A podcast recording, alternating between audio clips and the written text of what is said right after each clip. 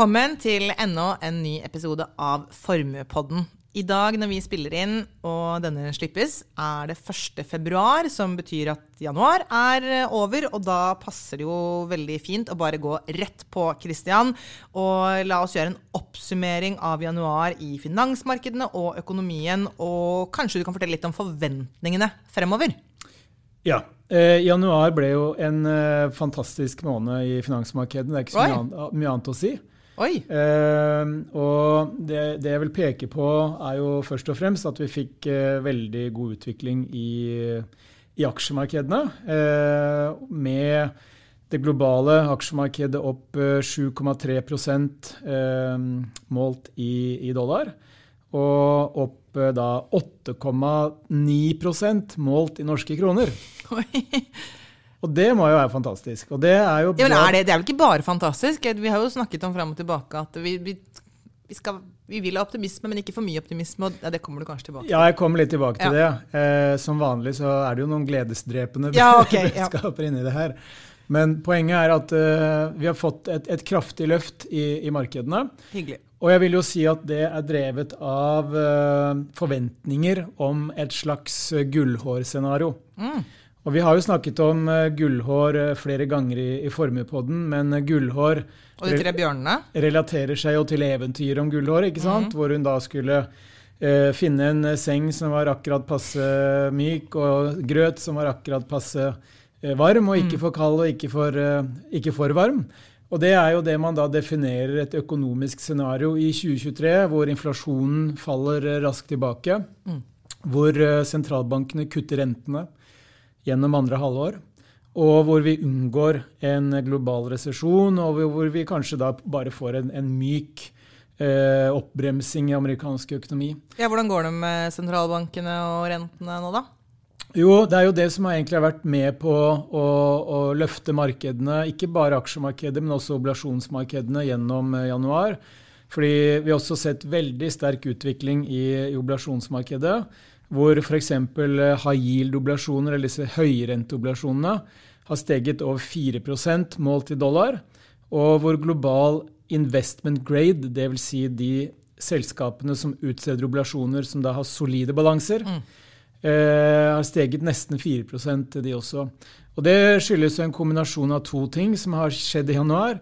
Og Det er jo at markedene har priset inn lavere renter frem i tid. Og det har betydd fallende markedsrenter. Og Det er da positivt for oblasjoner, det er positivt for vekstaksjer, teknologiaksjer osv. Og i tillegg, fordi stemningen i markedene har steget, så har også de såkalte risikopåslagene, eller kredittspreddene, altså den ekstra avkastningen som investorer krever for å låne penger til selskaper, den har falt, og det betyr jo da kursoppgang eh, for disse selskapene. Men eh, når det gjelder eh, aksjemarkedet litt, litt mer detaljert, da, så har vi jo sett en voldsom oppgang i noen av de aksjene som ble hardest rammet i 2022 av kursfall. Ja. Så eksempelvis denne Fang pluss-indeksen, og nå bare tar jeg med et eksempel ja. på, på, dette her, den var jo ned eh, langt over 30% i, i fjor.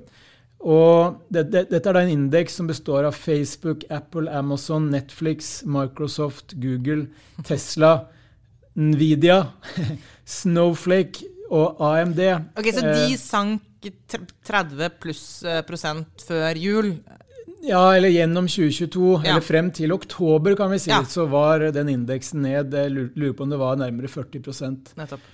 Men den er da opp uh, over 18% i år alene. Oi. Og det som også er interessant, er, og det noen kaller dette, denne kursoppgangen som vi har sett i år, for en uh, dash to trash. Dash to trash? Ja. Ok, det må du forklare. Jo, fordi det er, det er, jo et begrep man har sett flere ganger tidligere òg, når investorene liksom blir helt sånn gira på ting som har veldig høy risiko. Mm. Og det er jo det, det man kaller trash. Mm. Litt sånn i overført betydning, selvsagt. Men det man da har sett i, i januar, er jo eksempelvis at aksjer og selskapsobligasjoner med dårligst balanser Altså eh, med eh, høy giring på balansen, dårlig kontantstrøm, dårlig inntjening, sånne ting. Det er de aksjene som har gjort det aller, aller best. Og eksempelvis en, eh, en indeks som noen kjenner til, som heter ARK Innovation, som er en, et børsnotert fond, en indeksfond, som er drevet av en dame som heter Cathy Wood. Mm. Eh, som ble mye omtalt gjennom 2021, når dette fondet gikk til himmels. Eh, hun fikk også skikkelig beating gjennom 2022, men er da opp eh, lurer på om det er 20-30 eh, i år. Så det er liksom dash for trash, eller dash to trash, som det heter, kjennetegner dette her. Og det er jo liksom tydelig tegn på at den ekstreme risikoviljen da, som vi så gjennom deler av 2021 og deler av 2020 for så vidt, den har kommet tilbake. Den er mm. ikke død. Mm. Og det er det noen som er litt bekymra for, da. Ja, fordi det er jo da en liten sånn oppsummering av uh, hva som skjedde i januar. Men uh, ja, forventningene fremover. Her er det bekymring likevel. Eh, ja, det kan du si. Eh, men det vi også ser sånn generelt, da, det er jo at uh, markedene trosser signalene fra sentralbankene. Ja. Fordi det sentralbankene sier, det er jo at inflasjonen er fortsatt for høy. Eh, og vi skal fortsette å heve rentene. Og i hvert fall i USA, og for så vidt også i eurosonen, så sier man at eh, vi ser ikke for oss noe rentekutt. Men markedene priser inn at det kommer rentekutt. Og da, Hvorfor det? Jo, fordi man er overbevist om at inflasjonen skal falle raskere enn det sentralbankene selv tror. Hvorfor det? Jo, fordi man ser veldig tydelige tegn da, i en del eh, inflasjonsdrivende mm. faktorer det kan være i råvaremarkedet, det kan være i forsyningskjedene, det kan være i prisene på innsatsfaktorer som industrien må betale. Det kan være at man ser tendenser til oppmykning i, i lønnsveksten i USA. Eh, en lang rekke faktorer, bl.a. drevet av pandemispesifikke ting, som gjør at mange investorer er overbevist om at inflasjonen skal falle ganske okay. raskt ned. Eh, men det at markedene er så uenige med sentralbanken, det åpner også opp for en ganske betydelig følsomhet for at hvis det er sentralbanken som har rett, og ikke investorene, så lever jo nå eh, investorene og finansmarkedene litt sånn på, på usikker grunn. Dersom f.eks. inflasjonen skulle vise seg å holde seg høy lenger, eh, eller vi faktisk får en resesjon som blir tyngre enn det markedene tror. For det er jo ingen tvil om at markedene priser ikke inn noe, noe resesjon i, i, øyeblikket. Mm. Eh, men jeg vil også bare kort kommentere litt på råvaremarkedene i, i januar. Mm. fordi hele dette gullhårscenarioet har jo egentlig blitt forsterket av den varme vinteren i Europa, som da gjør at mange analytikere nå oppjusterer sine vekstforventninger til særlig eurosonen sin økonomi. Britisk økonomi er annen, et annet kapittel. Eh, og hvor vi i tillegg da ser konturene nå eh, til at smitteveksten i Kina er på vei ned. Og det kan jo da gi en betydelig vekstakselerasjon i Kina gjennom eh, kanskje fra andre kvartal og, og, utover. Og når man da i tillegg ser liksom at amerikansk økonomi holder koken på, på, mange områder, i hvert fall, så er det jo mange som da forventer at dette vil bli et relativt sett mye bedre år for verdensøkonomien enn det man hadde trodd fra før.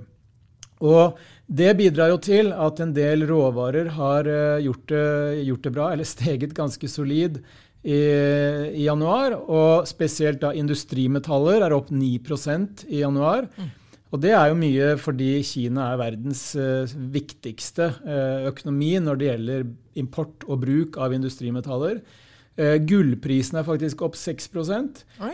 Men det er kanskje ikke så mye knyttet til det makroøkonomiske bakteppet. Jeg tenker at uh, gullprisen stiger primært av to årsaker nå. Og det er jo at de såkalte realrentene har falt. Realrenter er jo da Kall det det vanlige rentenivået på statsobligasjoner, men fratrukket inflasjonsforventningene. Mm. Og når realrenten stiger, så er det på en måte alternativkostnaden til gull. Og Det betyr jo da at når realrenten faller, så blir det mindre kostbart å eie gull, som da ikke gir noen direkte avkastning. Men vi vet også at eh, Kina har solgt seg ned i amerikanske statsobligasjoner. De ønsker å plassere en større andel av sine valutareserver i gull. Eh, og det har også sannsynligvis vært med på å trekke gullprisen noe opp. Mm. Ellers er eh, prisen på jordbruksråvarer relativt uendra i januar, og det samme også med, med energi. Eh, oljeprisene isolert sett var det opp 3% i januar. Mens gassprisene, spesielt i Europa, har jo, har jo stupt. Mm. Eh, og det er jo veldig bra. Eh, det jeg også vil si da knyttet til dette med finansmarkedene opp imot ditt spørsmål eh, om sentralbankene, det er jo ekstremt interessant. fordi det som skjer når vi får denne voldsomme fremgangen i finansmarkedene, så stiger aksjekursene, eh, rentene faller, markedsrentene, vi får lavere kredittpåslag, dollaren svekker seg. Og det, alt dette her er jo med på å stimulere næringslivet, stimulere økonomien. Og det skjer jo da samtidig som sentralbankene hever styringsrentene for å prøve å avstimulere økonomien. Så det som blir da ekstremt spennende den uken her, dessverre så får vi ikke med på denne episoden, det er jo hva den amerikanske sentralbanken sier nå på torsdag mm. om det som har skjedd i finansmarkedene, opp imot deres vurdering av inflasjonsutsiktene og behovet for å stramme til pengepolitikken. Det får vi kanskje snakke om på neste episode, da. Det kan vi gjøre. Ja. Men altså, det som skjer i finansmarkedene, kraftig fremgang, det motvirker egentlig det sentralbanken prøver å få til. Så det er liksom pull and push. Det er det. Ja. yes. Um, så en fantastisk januar, da, egentlig. Um, ja, vi må kunne si det. Oslo ja. Børs uh, hang litt uh, etter. Oslo Børs var opp uh, bare en halv prosent. men det ble nok litt preget av at Oslo Børs hadde et veldig bra 2022 i relativ forstand.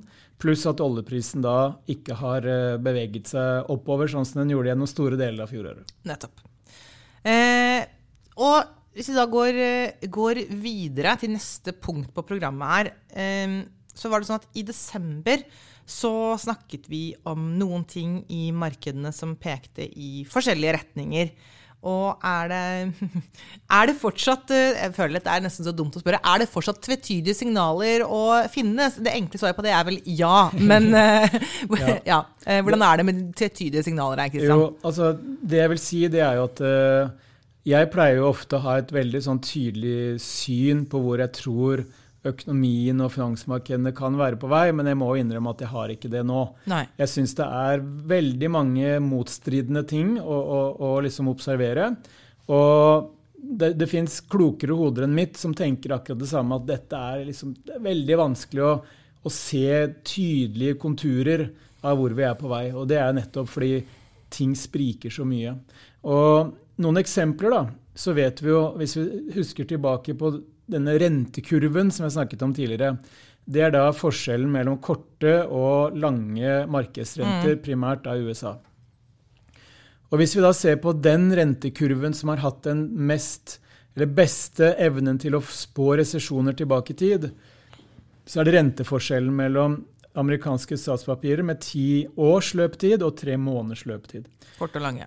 Kort og lange. Mm. Og det er da den er, den er, på sitt mest negative nå siden 74, tror jeg.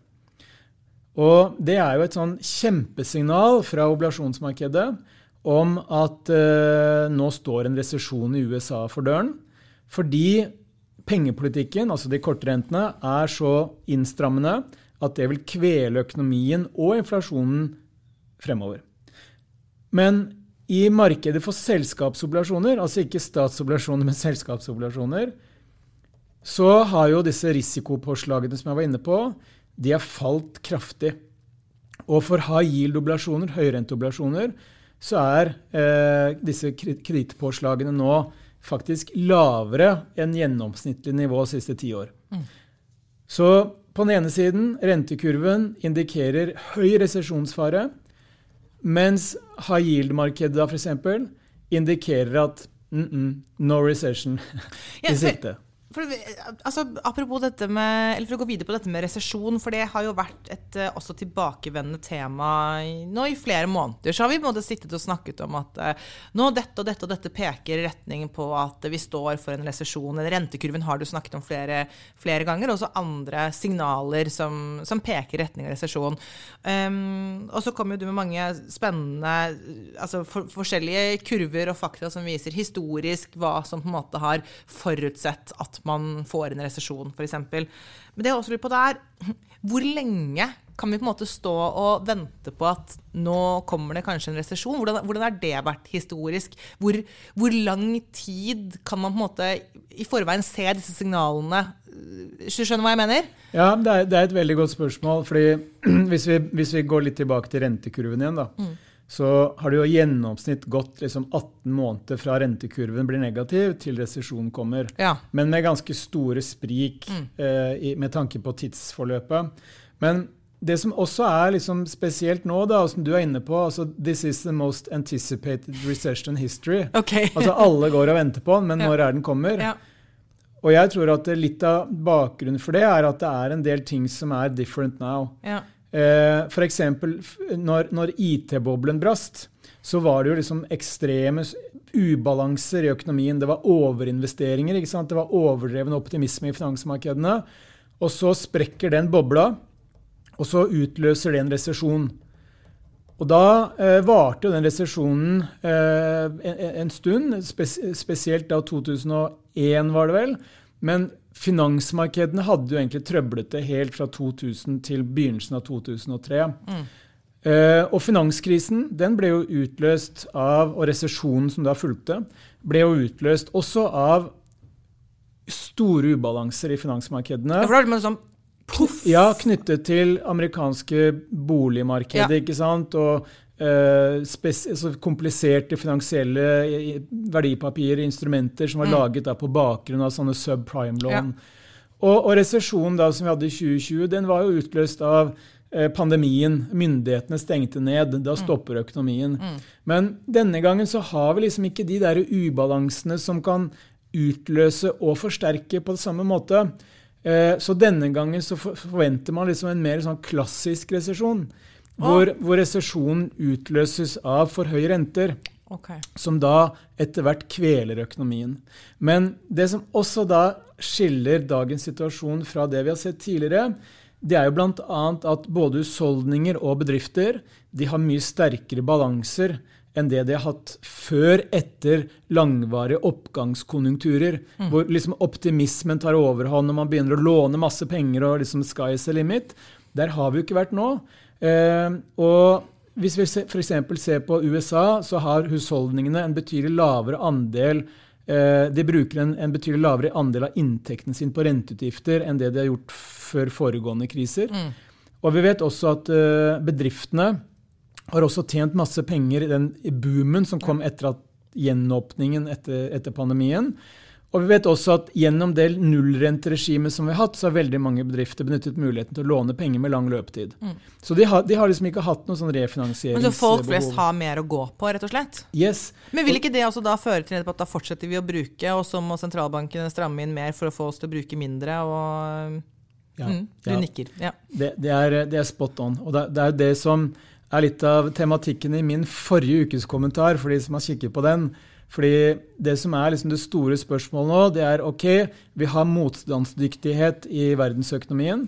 Vi tåler mer renteoppgang. Vi tåler... Så er vi motstandsdyktige mot disse rentehevingene til sentralbankene også, da? på en måte? Ja, men, det, men det, er, det, er, det jeg sier. Altså, Vi er mer motstandsdyktige mot den renteoppgangen som har vært. Vi har tålt inflasjonen. Eh, verken forbruket eller industriproduksjon sånne ting har liksom falt gjennom gulvet. Vi har ikke hatt noen økonomisk krise, egentlig. Og det er fordi vi mangler disse ubalansene. Men da er jo spørsmålet liksom, ok, hvis vi mangler ubalansene og vi har motstandsdyktighet i økonomien, så betyr det også at det blir mye vanskeligere for sentralbankene å få inflasjonen ned til 2 Ikke sant? Og spesielt da med tanke på at vi har lav arbeidsledighet, rekordlav arbeidsledighet mange steder. Mm. Laveste ledighet siden 1969 i USA. Oi. Og vi har relativt høy kapasitetsutnyttelse i økonomien generelt, og spesielt da med tanke på arbeidskraft. Tidligere konjunkturoppganger som liksom har begynt fra en dårlig periode og blitt til en lengre oppgangsperiode i økonomien, hvilket utgangspunkt har de hatt? Mm. Jo, høy ledighet og lav kapasitetsutnyttelse. Og gjerne også da med ekstremt lav prising i finansmarkedene fordi man har vært gjennom en resesjon. Mm. Men der er vi ikke i dag. Nei. Så i mitt hode, ja, det er hyggelig at markedene stiger. Og det er helt klart ting som har skjedd som er positivt, bl.a. det som har skjedd med europeisk økonomi, det som skjer i kinesisk økonomi, eh, motstandsdyktigheten i amerikansk økonomi. Alt dette er jo bra. Men det bidrar samtidig til at vi enten så trekkes resesjonen ut i tid, at sentralbankene må bare fortsette å heve rentene, eller så får vi et tidspunkt der eh, inflasjonen liksom begynner å, å bølge igjen da, og komme tilbake. Så det er, eh, det er litt av utfordringene for, for, 2023 og kanskje også 2024. Eh, en annen sånn motstridende greie som jeg har lyst til å ta opp, det er forskjellen mellom det vi kaller harde og myke data. Ja. Fordi eh, Når vi ser på økonomiske nøkkeltall, så har vi gjerne de harde dataene. Det er de tallene som viser hva som faktisk har skjedd. Det er f.eks. BNP-vekst, det er tall for forbruk, privat forbruk, det er tall for industriproduksjon, alt det her. Det er tall vi liksom kan si med en rimelig god sikkerhet at det har skjedd. Eh, de myke dataene det er det vi kaller mer ledende indikatorer. Mm. Og det er gjerne da basert på mer subjektive eh, spørreundersøkelser, hvor man spør bedrifter, man spør toppledere, man spør eh, privatpersoner. Hva tenker du om økonomien fremover? Og Der ser vi jo at de harde dataene, dataene har vært mye bedre og holdt seg mye liksom, på et bedre nivå enn de myke, som egentlig har vært veldig depressive mm. ganske lenge. Og det vi da ser tendenser til nå, spesielt i Europa, det er jo at de myke dataene er i ferd med å stige opp mot de harde. Det vil si at de, de, tidligere så pessimistiske stemningsundersøkelsene de er i ferd med å bli noe mer optimistiske. Ja. Og dermed liksom nå tilbake til det nivået hvor de harde dataene er. Mm. Uh, I USA så er det litt uh, mer uggenhet i, i, både harde og myke data. Uh, men sett i en sånn global kontekst, også sånn generelt, så er det da mye sterkere harddata enn det disse stemningsundersøkelsene osv. indikerer. Er det bra eller dårlig? Eller jo, det er jo egentlig bra at økonomien holder koken, men spørsmålet er bare om dette blir en selvoppfyllende profeti. Ja. Fordi hvis mange nok privatpersoner, bedriftsledere, tenker at vi er på vei mot et dårligere økonomisk klima, så vil jo de stramme inn livreima. Og når de strammer inn livreima, så vil de harde dataene etter hvert ja, følge etter. Det tenkte jeg på. Jeg til og med skre, noterte ned på papiret mitt her når vi sitter og prater, at det å på en måte hele tiden prate om resesjon, vil ikke det til slutt gi resesjon? Fordi hvis alle på en måte går og forbereder seg på at skal komme en resesjon, så, så, blir det jo det. Ja. ja. ja så, mm. så det, er, det, er, fortsatt ekstremt stor uenighet om hvor verdensøkonomien er på vei. Men det som har skjedd i Europa, det som skjer med Kina, det er i hvert fall i ferd med å gjøre ting litt mindre ille for ja. verdensøkonomien. Så det er bra. Og er bra. januar har fremdeles vært et veldig veldig god måned, men ting er litt rart. kan vi ja, si da. Ting, ting er litt rart. Ja. Og, og, det baserer seg litt på de makrotallene vi fikk gjennom januar også. Vi fikk jo egentlig sterke BNP-tall, som mm. er harddata, som mm. viser veksten i bruttonasjonalprodukt. Eh, positive overraskelser i USA, positive overraskelser i eurosonen, positive overraskelser i Kina. Eh, men Tyskland eh, skuffet, og ja. de hadde da negativ BNP-vekst i fjerde kvartal. Oi. Men hvis vi ser på inflasjonstallene, som er det veldig mange følger med på, så har de også gjennomgående vært på den hyggelige siden, dvs. Si at inflasjonen faller. Bortsett fra i Spania. Og det som da var interessant å se, det var at når vi fikk inflasjonstallene for Spania, som da steg, eh, så ga det umiddelbart negative utslag i hele det europeiske aksjemarkedet. Oh. Og det indikerer jo hvor ekstremt følsomme finansmarkedet nå er. Ja, for jeg tenkte sånn Spania de er vel ikke så viktige Jo, altså Det er en stor europeisk økonomi. Ja, ja. Men poenget er at så lenge inflasjonstallene kan overraske i feil retning, mm. som det definitivt er potensial for også USA og andre steder, så gir det umiddelbart negative utslag. Og det er jo et tydelig signal om at det er ikke dette finansmarkedene vil ha nå. Nei, nei nettopp. Ok, Men det, dette blir jo, som, som fra et faglig perspektiv, er jo dette spennende, interessante tider da, fremover. Ja, men, men det, er sånn, det, er litt slitsomt, slitsomt. Eh, å være analytiker, for man prøver liksom å forstå seg på ting. Og så, og så, blir det, den oppfatningen du hadde i går, den blir på en måte motbevist dagen etter. Jeg kan anbefale fysikk som fagfelt der. Der er det liksom uh, veldig mye mindre endringer på, på, det der. Det vil jeg tro. Ja. Um, men jeg forteller jo ikke så mye da om hvordan mennesker tenker, og sånn, så det er jo kanskje ikke spennende på den måten. Eh, da skal vi gli eh, elegant over til å se på tre ulike økonomiske scenarioer for de kommende kvartalene. Og om du Christian, kan da se på hva disse forskjellige økonomiske scenarioene kan bety for forskjellige investeringer. Ja. Eh, og Der tar jeg slett utgangspunkt i en eh, analyse som Goldman Sachs har laget. Eh, for den syns jeg var ganske interessant. Og da, Så skal man jo tenke liksom at ok, tre ulike scenarioer. Det er klart at det finnes flere enn tre mulige scenarioer for hvordan 2023 vil bli. Men, men likevel så er dette liksom en måte å, å, strukturere tankene på, i hvert fall. da. Eh, for det er, det er jo ingen tvil om at resesjon og da tenker jeg på først og fremst USA med negative smitteeffekter globalt. Det er noe som ikke er priset inn i, i markedet i dag. Eh, og Derfor er det interessant å se på liksom, hvordan vil markedet da utvikle seg eh, dersom vi ikke får resesjon, eller om vi får resesjon, og hvordan vil europeisk-kinesisk økonomi oppføre seg i forhold til amerikansk økonomi f.eks. Så det første scenarioet er at vi unngår resesjon i USA. Og dette vil da føre med seg at uh, vekstforventningene til amerikansk økonomi må oppjusteres.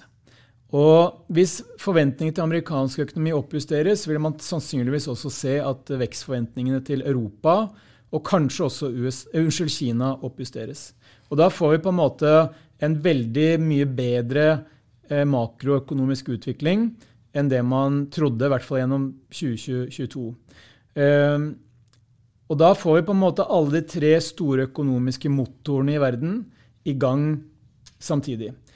Og det Goldman Sachs sier i et slikt scenario, så vil jo det for det første gi et betydelig eh, støtte til aksjemarkedene. Og da vil vi se at aksjemarkedene stiger. Men, og dette er det interessante, fordi at vi da får en vekstakselerasjon så vil det, som vi var inne på, sannsynligvis føre til at inflasjonsforventningene kanskje opprettholdes eller faktisk styrkes. Og det vil da kunne trekke markedsrentene oppover, som alt annet likt vil kunne være negativt for statsobligasjoner. Men vi vet jo også at i et sånn type scenario hvor veksten stiger, så vil sannsynligvis selskapsinntjeningen, altså gjeldsbetjeningsevnen, vil løftes. Og da vil risikopåslagene falle. Og da vil vi kunne få en positiv utvikling f.eks. i high yield-obligasjoner. Eh, det Goldman Sachs eh, tror, det er at i et sånt veldig positivt scenario økonomisk, så vil jo aksjer utenfor USA først eh, hovedsak kunne fortsette å gjøre det noe bedre enn amerikanske aksjer. Og vi vil kunne se betydelig oppgang i råvareprisene, spesielt drevet da av denne akselerasjonen i kinesisk økonomi. Og kombinert da med en svakere dollar, så er egentlig dette nærmere det gullhårscenarioet som kanskje markedene er i ferd med å prise inn til dels allerede.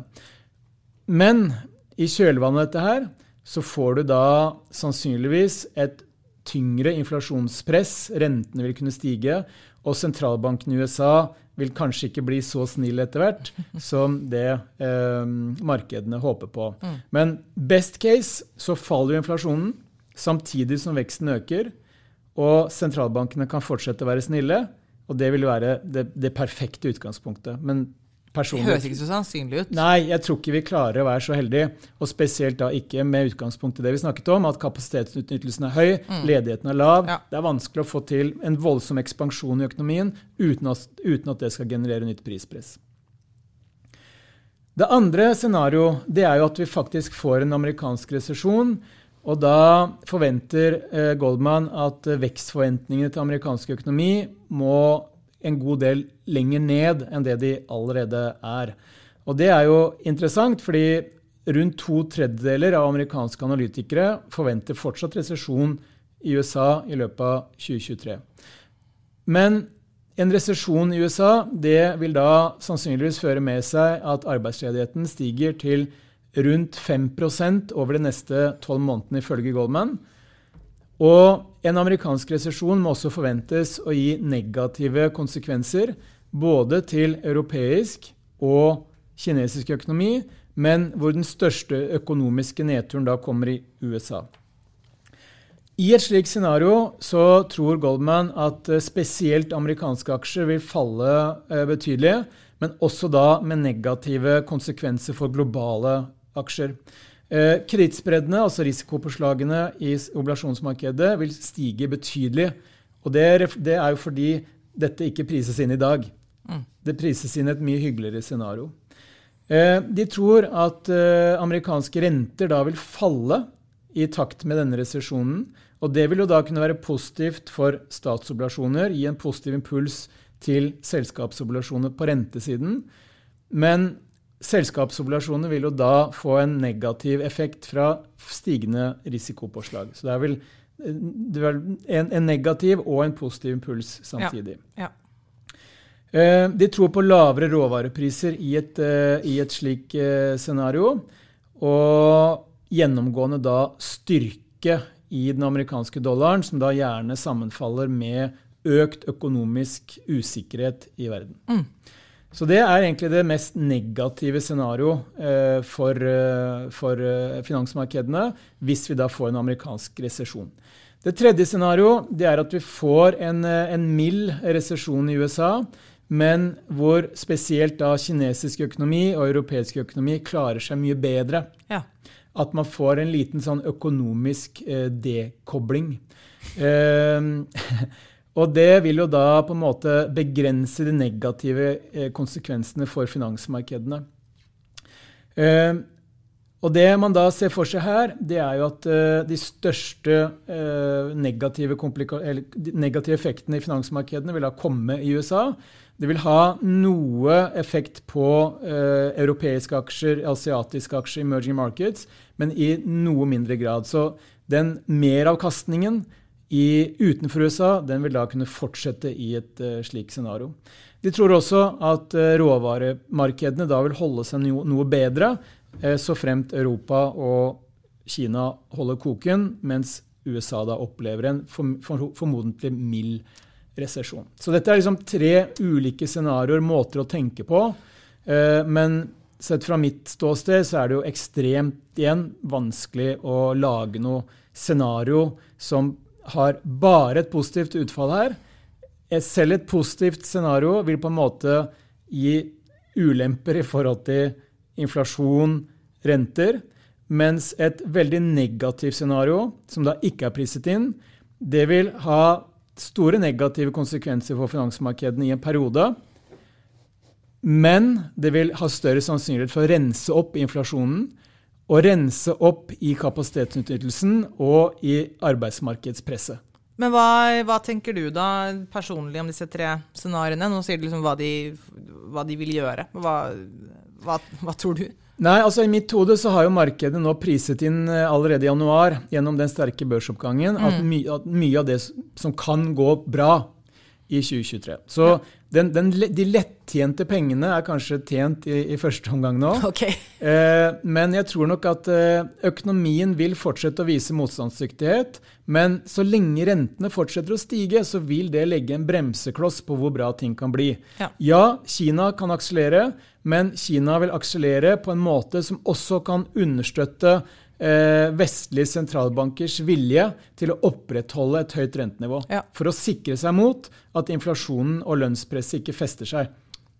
Yes. Så det er give and take, både positive og negative ting. Et utrolig vanskelig eh, klima, markedsklima, å si noe eh, med, med, høy overbevisning. Ok, og med det så tror jeg vi skal uh, runde av. Og til tross for at uh, Eh, også i dag eh, handler om eh, resesjon, the most anticipated recession history, var det du kalte det, sånn cirka. Og liksom OK, det er usikre tider, og dette er jo ikke bra, osv. Så, videre. så vil jeg allikevel eh, tenke at dette nå i løpet av det året vi nå har poddet, er kanskje det mest positive jeg har hørt deg, Christian. Det er første gang du har fått brukt ord som at det har vært en fantastisk måned, og liksom at det var så mye positivt å si på en gang. Så det er jo ehm, det er for min, min oppfattelse av deg nå i dag. Ja da, men man må uansett ta med seg det positive som er. Nettopp! Det er det jeg sier. Dette er den mest positive episoden vi har hatt. det er usikre tider, men, eh, og, og, vi står og venter på resesjon, men allikevel mest positive på et år. Takk, for, eh, takk til deg, Kristian, som har kommet helt fra Hamar, og takk til deg som lyttet.